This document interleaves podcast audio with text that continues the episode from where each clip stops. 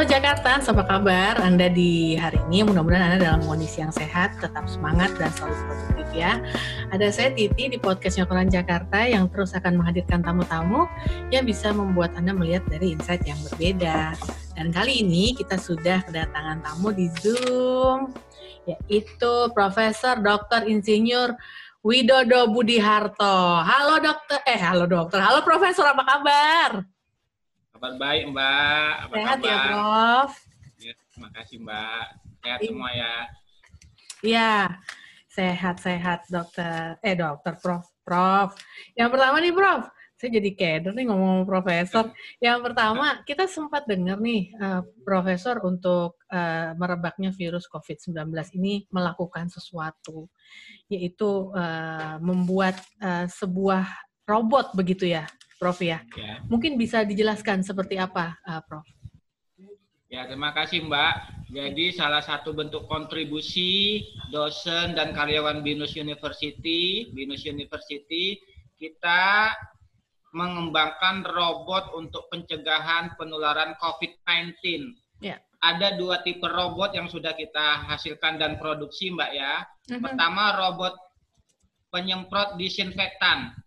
Robot ini mampu menyemprotkan cairan disinfektan dan Hmm. dikendalikan secara remote menggunakan smartphone menggunakan teknologi Bluetooth. Oh, Kenapa mesti ada jarak antara pengguna dan robotnya? Karena agar pengguna robot tersebut tidak terkena cairan disinfektan yang kurang baik bagi kulit. Mhm. Lalu yang kedua robot food delivery and monitoring system. Mhm. Robot buatan Binus ini mampu mengirimkan makanan, obat-obatan, dan memonitor pasien COVID-19. Mhm. Karena sangat berbahaya Mbak ya, kasihan tenaga kesehatan kita kalau setiap hari harus berkomunikasi dengan pasien, itu harus menemui pasien. Potensi terpapar virus COVID-19-nya menjadi sangat besar. Nah, Mhm. dengan robot food delivery and monitoring ini, interaksi antara tenaga medis, dokter dengan pasien itu bisa dilakukan secara jarak jauh sehingga dapat mereduksi uh, interaksi sampai ke 80%. Sehingga sangat-sangat dibutuhkan robot-robot disinfektan dan food delivery monitoring ini sangat dibutuhkan oleh rumah sakit di Indonesia dan dunia untuk mengurangi interaksi itu. Mhm. Prof, kalau boleh di-sharing nih, uh, Prof, untuk robot dari disinfektan sendiri bisa di share screen nggak, Prof? Share screen ya.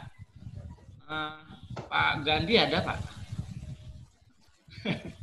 Sebentar ya. Ya. Saya, Karena ada dua Buka jenis dulu. robot begitu ya. ya, Ah, saya buka dulu ya. Saya lihat. ya.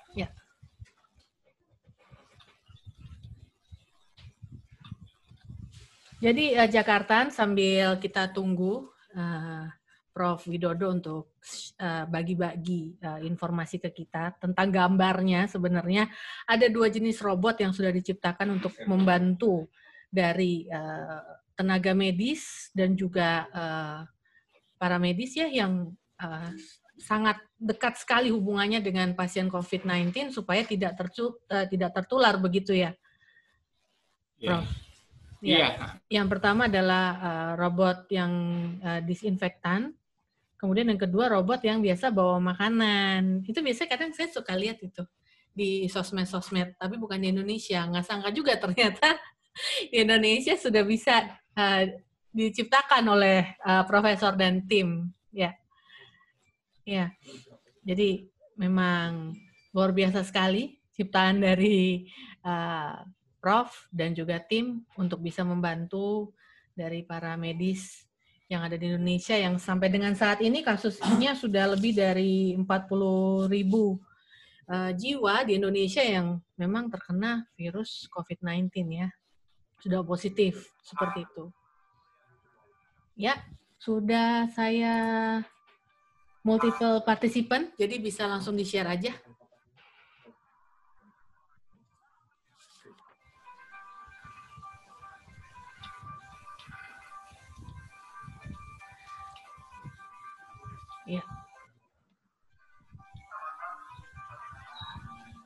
Oh, oke. Okay. seperti ini, Mbak ya. Ya. Uh, yang ini pada saat Aha. penyerahan donasi ya di Rumah Sakit Koja. Ini oh, robot disinfektan okay. ya, yang ya. dikendalikan menggunakan smartphone untuk menyemprot disinfektan. Direkturnya langsung yang mencoba. Mm -hmm. Dan ini robot monitoringnya, misalnya demo antara dokter dengan pasien, di situ ada smartphone zoom-nya, sehingga bisa interaksi tanya jawab. Oh, oke. Okay. Prof, nanya ya Prof. Ya, Ini uh, untuk bahan bakunya sendiri uh, banyak impor atau Indonesia juga sudah menyediakan bahan bakunya nih, Prof? Ya, karena ini elektronika, Mbak ya. Kalau hmm. elektronika dan robot itu tentu kita di Indonesia tidak bisa memproduksi. Hmm. Jadi robotika, elektronika itu adalah riset teknologi tinggi sehingga hampir semua bahan memang bahan dasarnya itu harus kita impor. Tetapi hmm. bahan itu pun tidak akan bergerak kalau tidak kita program. Ya. Nah, kalau di kita, karena di Binus University, kebetulan kita di teknik informatika, hmm. kita fokus ke pemrogramannya. Jadi sumbang terbesar banyak di arsitektur sistemnya sama di pemrogramannya. Kita menggunakan teknologi Wi-Fi ya agar robot ini bisa dikendalikan secara jarak jauh. Hmm, dokter, uh, yang saya baca, eh dokter lagi, aduh, Prof, yang saya baca-baca nih, untuk uh, robot ini gitu ya. Itu menggunakan kecerdasan buatan gitu ya. ya. Seperti apa sih, uh, Prof? Ya, contoh adalah kalau robot berjalan tentu harus bisa menghindari halangan. Mm-hmm. Ya kan? Jadi robot yang harus beradaptasi terhadap lingkungan, bukan kita yang menghindari robot tersebut. Nah, robot ya. ini kalau ada halangan dia tentu akan berhenti pada jarak tertentu sehingga tidak menabrak objek-objek di depannya. Lalu fitur-fitur kendali lewat smartphone dengan teknologi Wi-Fi dan sistem pengontrolan istilahnya di dalamnya tentu erat dengan kecerdasan buatan, Mbak. Karena hmm. era industri 4.0 ini kan intinya otomasi. Nah, ya. otomasi itu akan terwujud jika di dalamnya disisipkan kemampuan-kemampuan kecerdasan buatan atau artificial intelligence. Nah, hmm. kita di Binus University sangat kuat sekali risetnya di bidang kecerdasan buatan dan robotika hmm. ini. Hmm. Wah, luar biasa sekali ya, Prof. Jadi pada jadi pada ada pertanyaan tambahan, titipan. Ya. jadi rumah sakit mana aja nih, Prof, yang sudah uh, apa namanya itu, yang sudah melihat uh, dan juga merasakan uh, teknologi dari buatan dalam negeri yang dibuat oleh profesor. Nah, sudah diberikan saat ini ke tiga rumah sakit, Mbak ya. Seperti kemarin ada rumah sakit di Jakarta dan Bandung, berikutnya akan menyusul rumah sakit-rumah sakit yang memang mendapatkan tugas khusus untuk penanganan COVID-19. Begitu, Mbak. Ada beberapa rumah sakit yang akan kita berikan nanti penyerahan robot tersebut. Hmm, sebenarnya dalam pembuatan sendiri butuh waktu berapa lama ya, Prof, dengan tim? Nah, untuk karena kita ini spesialisasinya memang di bidang pengembangan kecerdasan buatan, Mbak ya. Mm-hmm. Itu hmm. untuk satu robot mungkin satu minggu cukup dengan tenaga engineer, programmer, dan pendukungnya itu kita bisa memproduksi banyak jika uh, unit-unit engineer tersebut ada. Nah, harapan kita memang robot-robot ini dipakai dan terus diproduksi secara massal karena rumah sakit rumah sakit itu sangat butuh. Kita sudah berkomunikasi dengan direktur rumah sakit. Teknologi asistif atau teknologi alat bantu itu sangat dibutuhkan hmm. saat ini, terutama untuk pencegahan penularan COVID-19, Mbak. Hmm.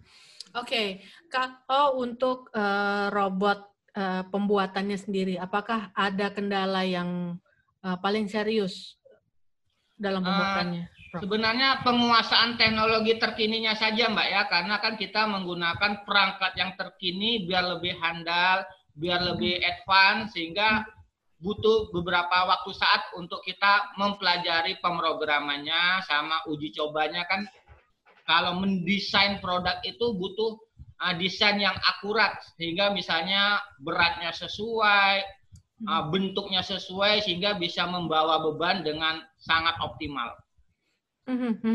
Uh, bicara mengenai new normal ya, Prof. Ke depan ya. akan ada uh, banyak banget yang uh, menerapkan uh, protokol social distancing. Ya. Apakah rencananya ada uh, robot terkait dengan hal tersebut, Prof? Nah, memang riset terkait penerapan berbagai macam teknologi untuk kedokteran dan rumah sakit itu sangat diperlukan, Mbak. Di Indonesia sangat kurang sekali. Ke depannya memang kita terus mengembangkan riset-riset terkait penanganan pencegahan COVID-19 ini, selain juga untuk misalnya physical distancing, misalnya bagaimana sistem yang secara otomatis misalnya bisa mendeteksi pakai masker atau tidak beserta suhunya yang dapat digunakan secara luas di rumah sakit. Kalau kita lihat misalnya di mall atau di rumah sakit, mungkin alat-alatnya sudah jadi, cuman itu import, Mbak. Istilahnya oh, seperti itu. Nah, hmm. saatnya kita ini pemerintah lebih memberdayakan, mengoptimalkan, menggunakan sumber daya yang ada di Indonesia. Mereka hmm. bisa buat, tinggal harus kebijaksanaan kebijakan dari pemerintah untuk lebih mendahulukan produk-produk yang dikembangkan oleh SDM di Indonesia sendiri. Dan itu hmm. kita bisa, Mbak. Ini hmm. bukti bahwa robot-robot yang dihasilkan oleh perguruan tinggi itu sudah dimanfaatkan di rumah sakit-rumah sakit. Hmm. Hmm. Bicara mengenai biaya pembuatannya, Prof. Untuk hmm. satu robot, mungkin uh, perbedaan antara disinfektan dan juga uh, robot pembawa uh, makanan dan sebagainya itu tadi ya, Prof. Uh, berapa kalau boleh tahu, Prof? Uh, kalau hardware itu tidak mahal, Mbak ya. Mungkin mungkin tentu harganya tidak terlalu mahal. Yang mahal itu adalah mungkin biaya developmentnya. Developmentnya ini yang dalam arti adalah waktu yang dibutuhkan, mungkin sebulan atau dua bulan. Tetapi jika sistem yang dibuat sudah jadi, maka sistem yang dihasilkan jika diproduksi massal itu istilahnya harganya tidak terlalu mahal, yang sangat terjangkau. Dibandingkan jika kita harus mengimport robot yang sudah jadi. Kalau kita hmm. mengimport robot yang sudah jadi, akan sangat mahal cost maintenance-nya dan hmm. cost pembeliannya. Jadi hmm. kalau kita bisa menghasilkan produk di Indonesia, meskipun komponennya dari luar, maka nilai total biaya produksinya itu menjadi sangat murah sekali. Gitu.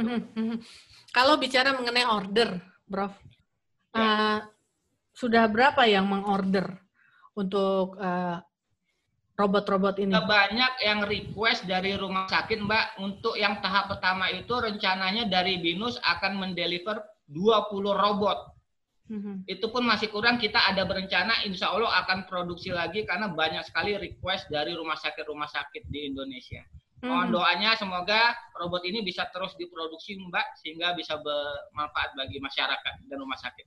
Amin. Uh, Prof, bicara mengenai rumah sakit, kan sekarang kan sudah uh, eh, PSBB transisi begitu ya.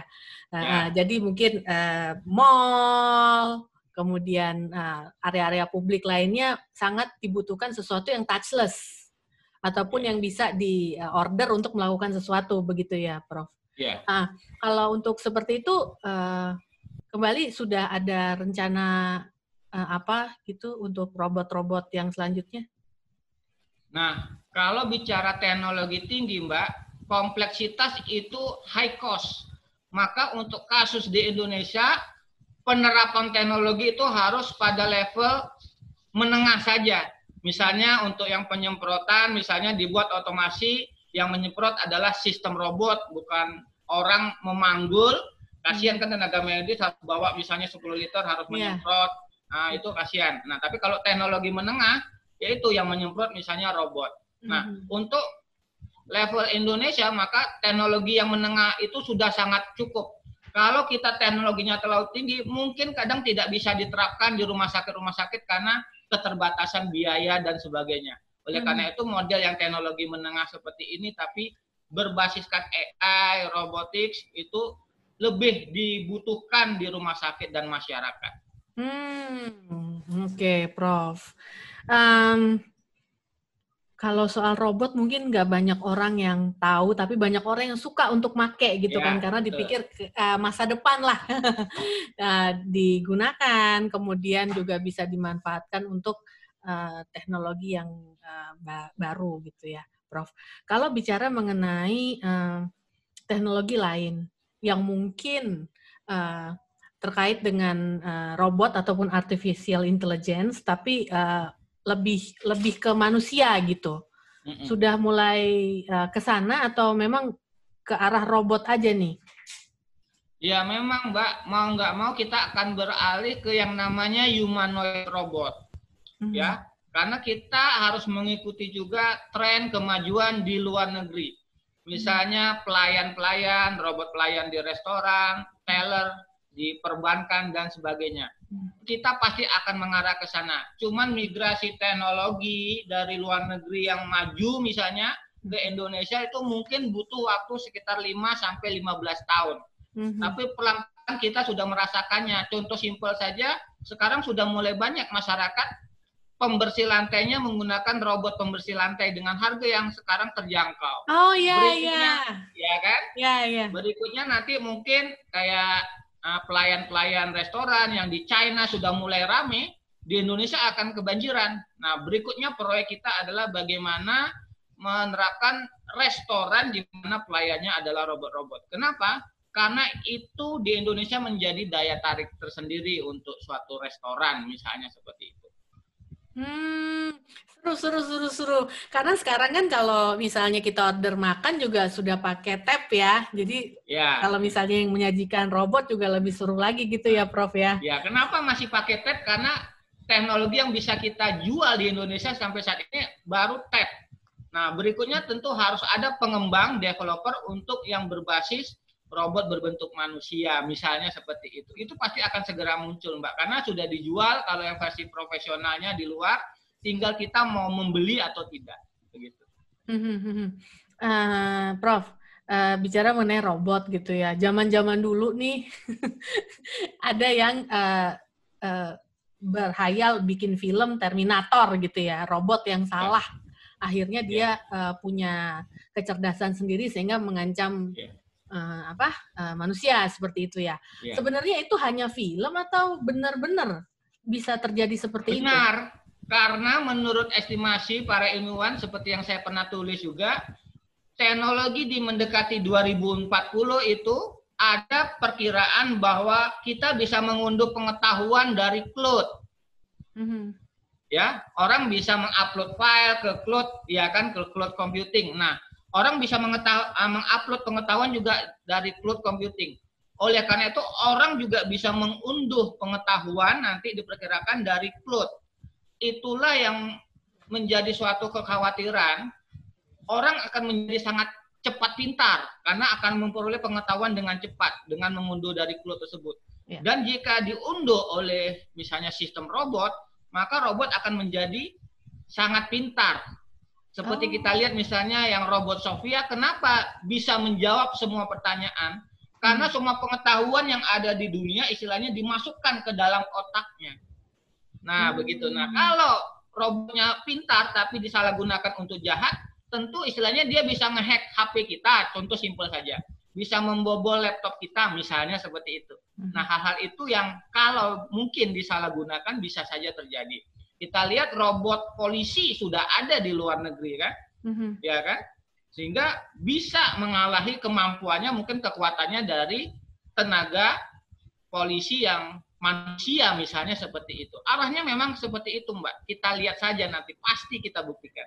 Wah, wah seru. Saya pikir cuma di film, Prof. Ternyata betulan ya. Nah, ya, ya, ya, ya, ya. film Kipi itulah nanti gambarannya. Oh, oke. Okay, pernah nonton okay. film Cipi ya kan? Nah, dia bisa belajar bahwa ini ayam chicken dengan sangat cepat. Oh, oke. Okay. Ya, ya, ya. Ya, baik Profesor, terima kasih atas waktunya. Wah, benar-benar bermanfaat banget nih ngobrol-ngobrol kita di sore hari ini. Semoga sukses dengan uh, proyek robotnya. Semoga bisa membantu kami-kami ya. masyarakat supaya para medis juga uh, bisa terhindar dari kontak langsung dengan pasien COVID dan juga kami nih yang pakai fasilitas umum nih, Prof. Ya. Mall, public area dan sebagainya mungkin bisa dibantu untuk dipikirkan dibuatkan robot. Oke, terima kasih, kasih ya, Prof. Ya. Sukses bersama rekan-rekan. Terima kasih Koran Jakarta. Ya, terima, terima kasih, terima kasih. Ya. Oke Jakarta, demikian tadi interview kita yang luar biasa banget dengan Profesor Dr. Uh, Widodo Budiharto SSI MKOM sebagai guru besar termuda di bidang kecerdasan buatan Universitas uh, Binus ya. Saya yakin Anda bisa mendapatkan satu insight yang menarik tadi Semoga uh, kita ketemu lagi di podcast yang selanjutnya. Jadi diundur diri. Terima kasih. Bye. Jangan lupa follow podcast Koran Jakarta untuk mendengarkan diskusi dengan tema yang tentunya menarik.